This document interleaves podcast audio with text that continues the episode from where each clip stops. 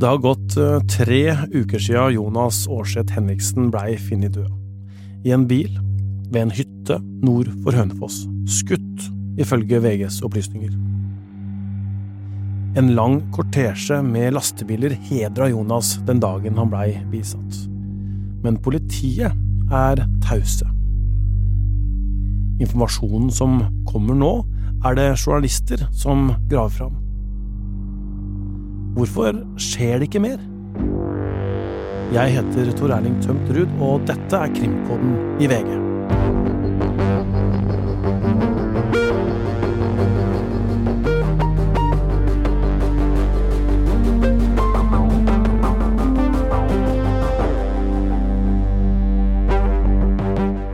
Selv om politiet nå ikke kommer med informasjon om etterforskninga etter drapet på Jonas, så er det medier som klarer å publisere opplysninger likevel.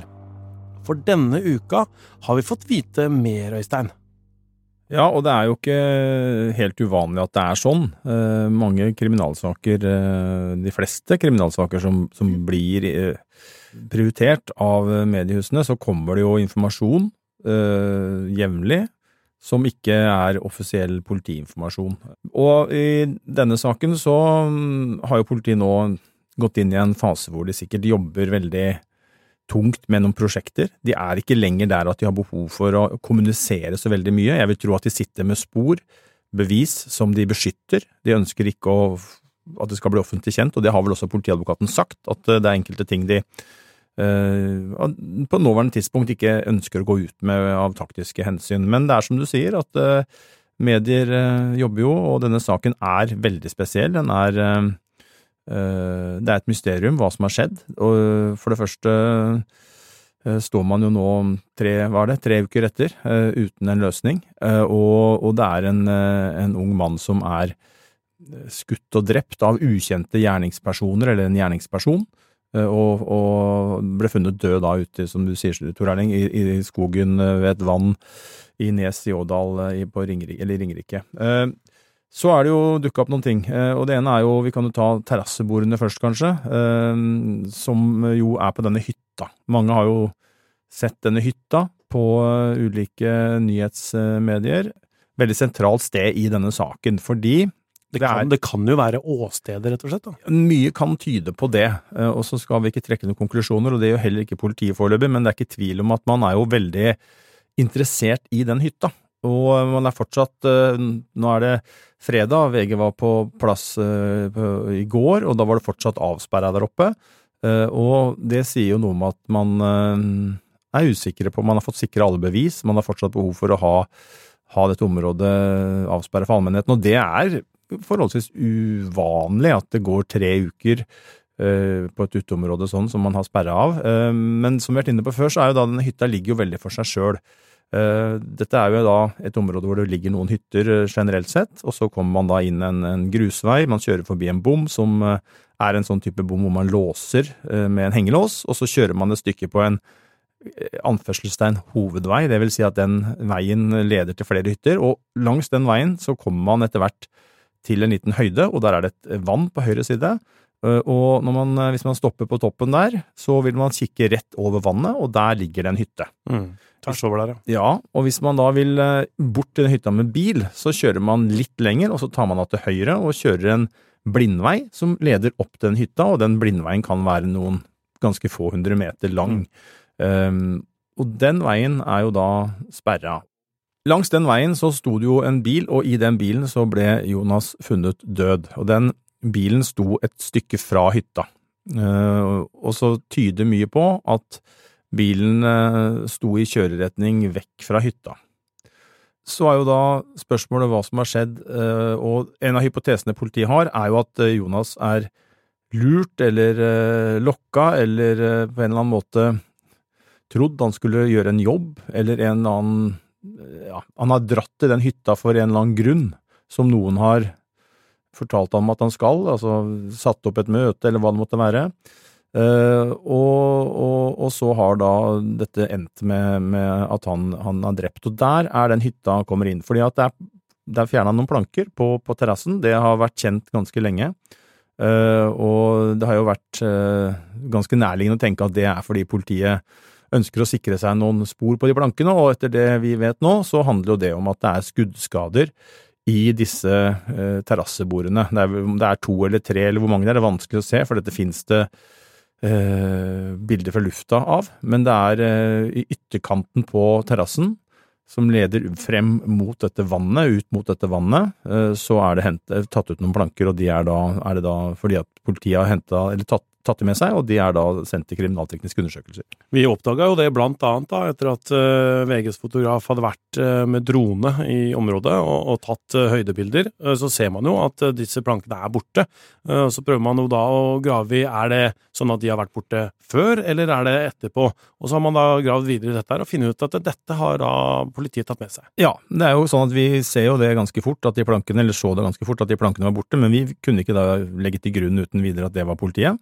Så da er jo først eh, spørsmålet er jo har politiet mm, fjerna dem, og det har blitt kjent eh, gjennom NRK, tror jeg. Eh, og så er jo spørsmålet hvorfor eh, er de eh, tatt med av politiet? Og da har vi eh, funnet ut at det er fordi det er skuddskader i de plankene. Og det er jo et viktig funn, et viktig premiss i denne gåtefulle saken, fordi at det at man kan knytte hytta opp mot uh, skudd som politiet knytter til det som skjedde med Jonas. Vi vet jo at han er skutt, uh, at dødsårsaken er at han er, er skutt. Uh, det gir jo politiet flere hypoteser som man må jobbe ut og undersøke.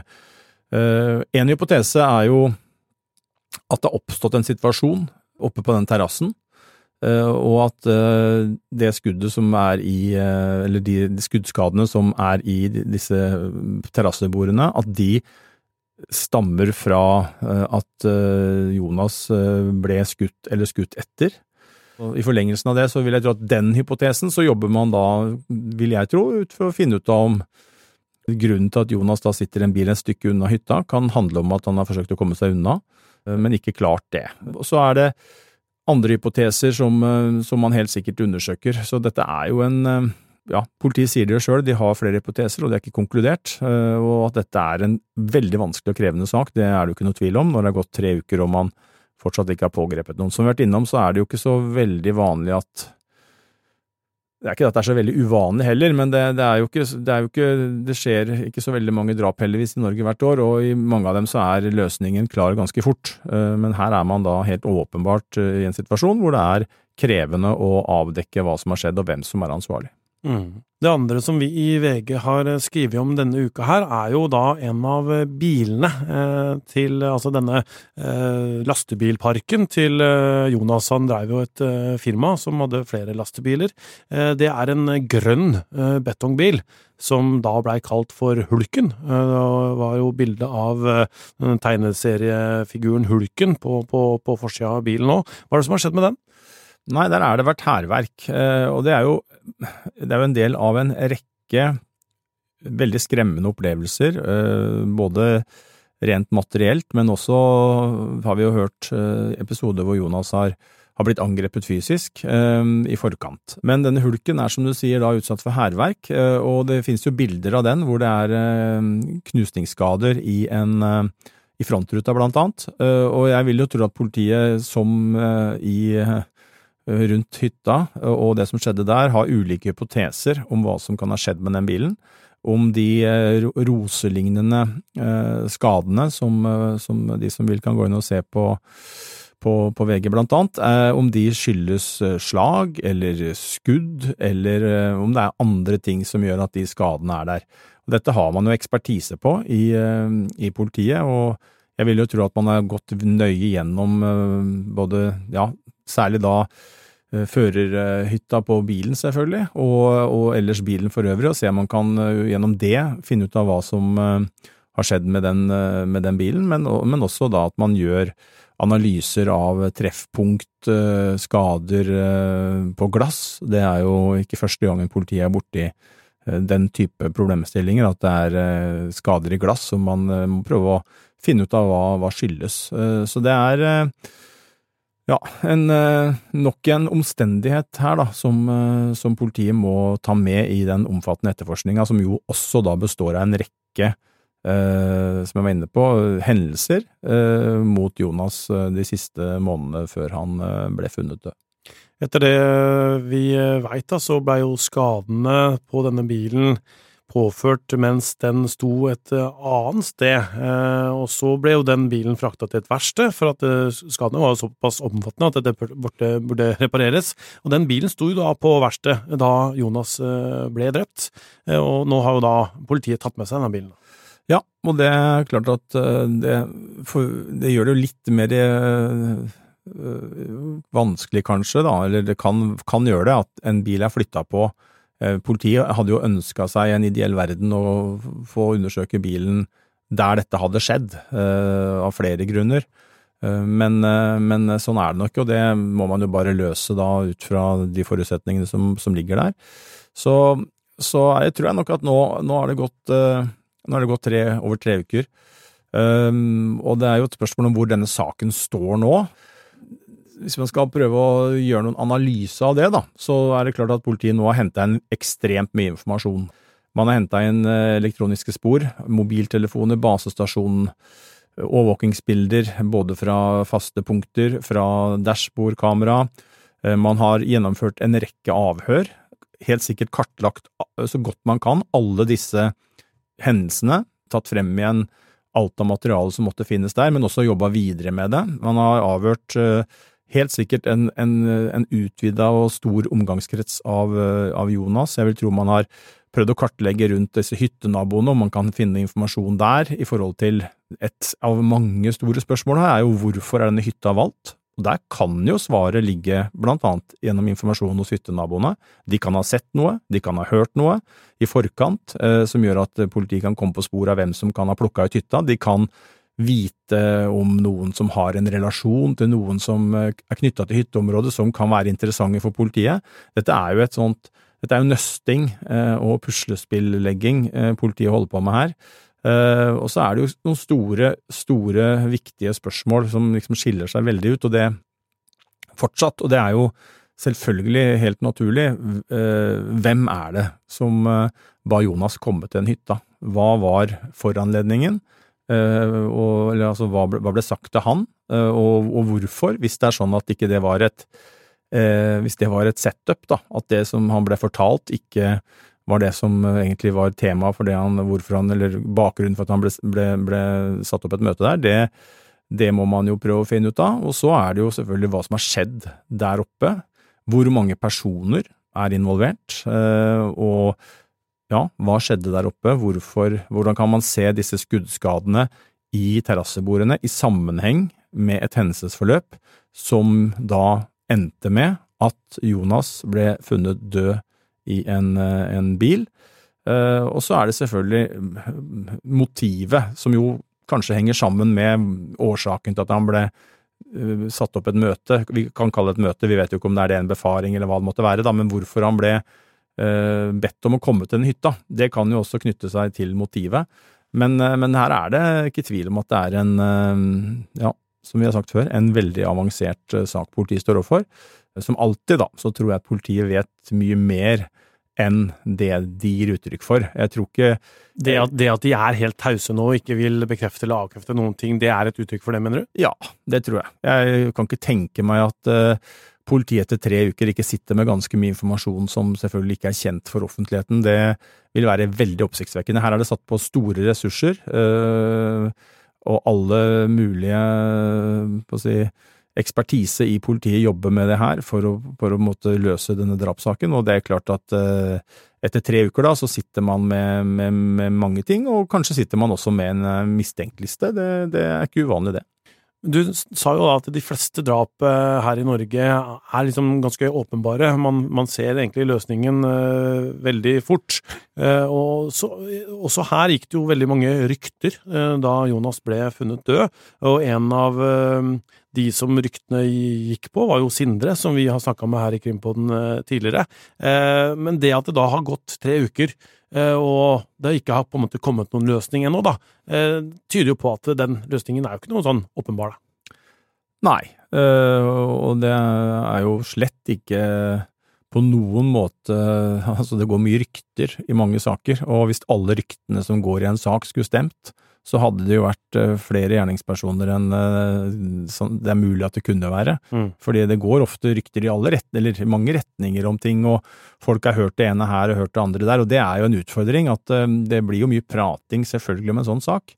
Og da oppstår gjerne rykter, og jeg har jo vært borti mange sammenhenger hvor rykter løper fullstendig løpsk, og til slutt mangler fullstendig rot i, i, noe som kan ligne på en virkelighet.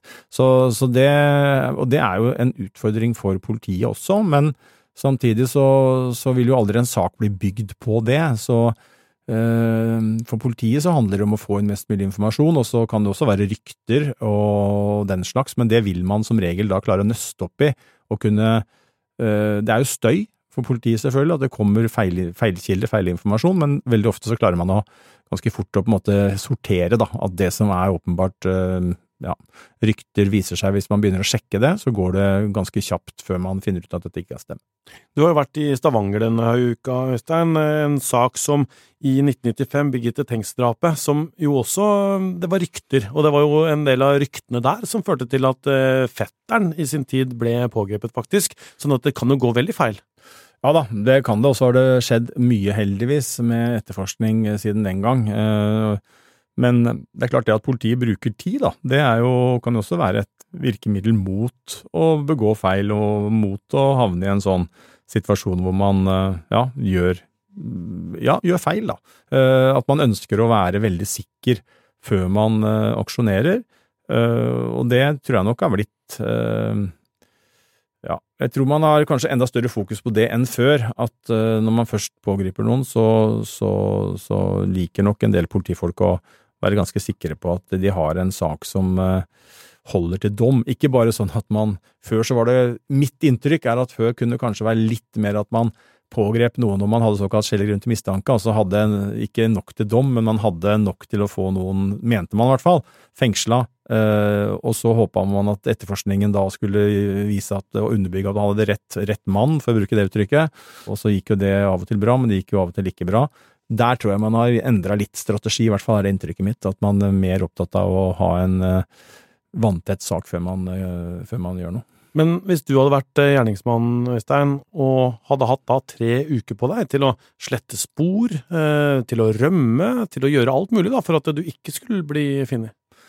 Ja, det er jo et, en avveining, men, men, på den annen side så kan det også politiet snu på det og bruke det at de holder den som er sikta i en sak på frifot, kan også være kan også politiet bruke til sin fordel. Eh, så det vil være konkrete vurderinger taktisk i seg sjøl. Men så er det sånn at uavhengig av det, så er det, som jeg er inne på, da, så kan man jo risikere å pågripe noen som man eh, pågriper på feil grunnlag. Og, og det, det, ønsker man jo ikke, og derfor så må man vente, da. Og så vet man jo det at folk kan slette bevis. Uh, nå er det jo sånn at uh, nå skjedde dette her Eh, og så gikk det jo noen timer før han ble funnet, eh, og det er, det er klart at de, de sånn helt umiddelbare bevisene når du har drept noen, vil jo ofte bli destruert og sletta, forsøkt sletta så fort som mulig, og da vil man uansett om man hadde pågrepet noen da torsdag kveld eller fredag morgen, da, så vil jo uansett tidsrommet vært stort nok til å gjøre de sånn helt umiddelbare tinga. Og så er det jo en del bevis som ikke kan slettes, og det er jo noe politiet er veldig bevisst på. At det er jo,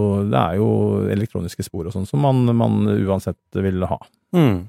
Denne uka her så har vi hatt da episode hver eneste dag, og neste episode fra oss kommer på mandag. Da er det Orderud-serien i episode fire. Da har vi kommet så langt i historien at vi skal innom et tilfeldig møte eh, som gjorde at politiet kom eh, i kontakt med en av de som ble veldig, veldig sentrale i Orderud-saken. Og så skal vi snakke om en eh, helt merkelig telefonsamtale, Øystein.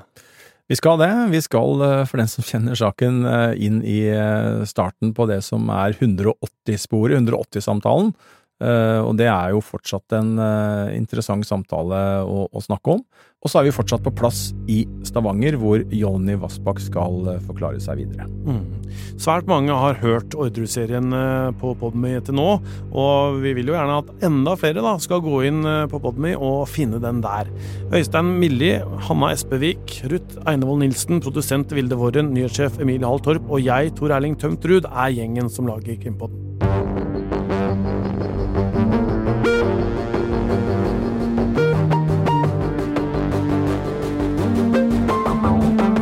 Har hørt en podkast fra VG. Ansvarlig redaktør, Gard Steiro. Denne høsten sitter det en kommisjon og skal vurdere om Per og Veronica Orderud skal få gjenopptatt saken sin. De mener de er uskyldig dømt for å ha medvirka til at søstera og foreldra til Per blei skutt og drept i 1999. Nå tar Krimpodden deg tilbake til Orderud gård, og går gjennom det som har skjedd siden trippeldrapet. Episodene kommer i Podme på mandager.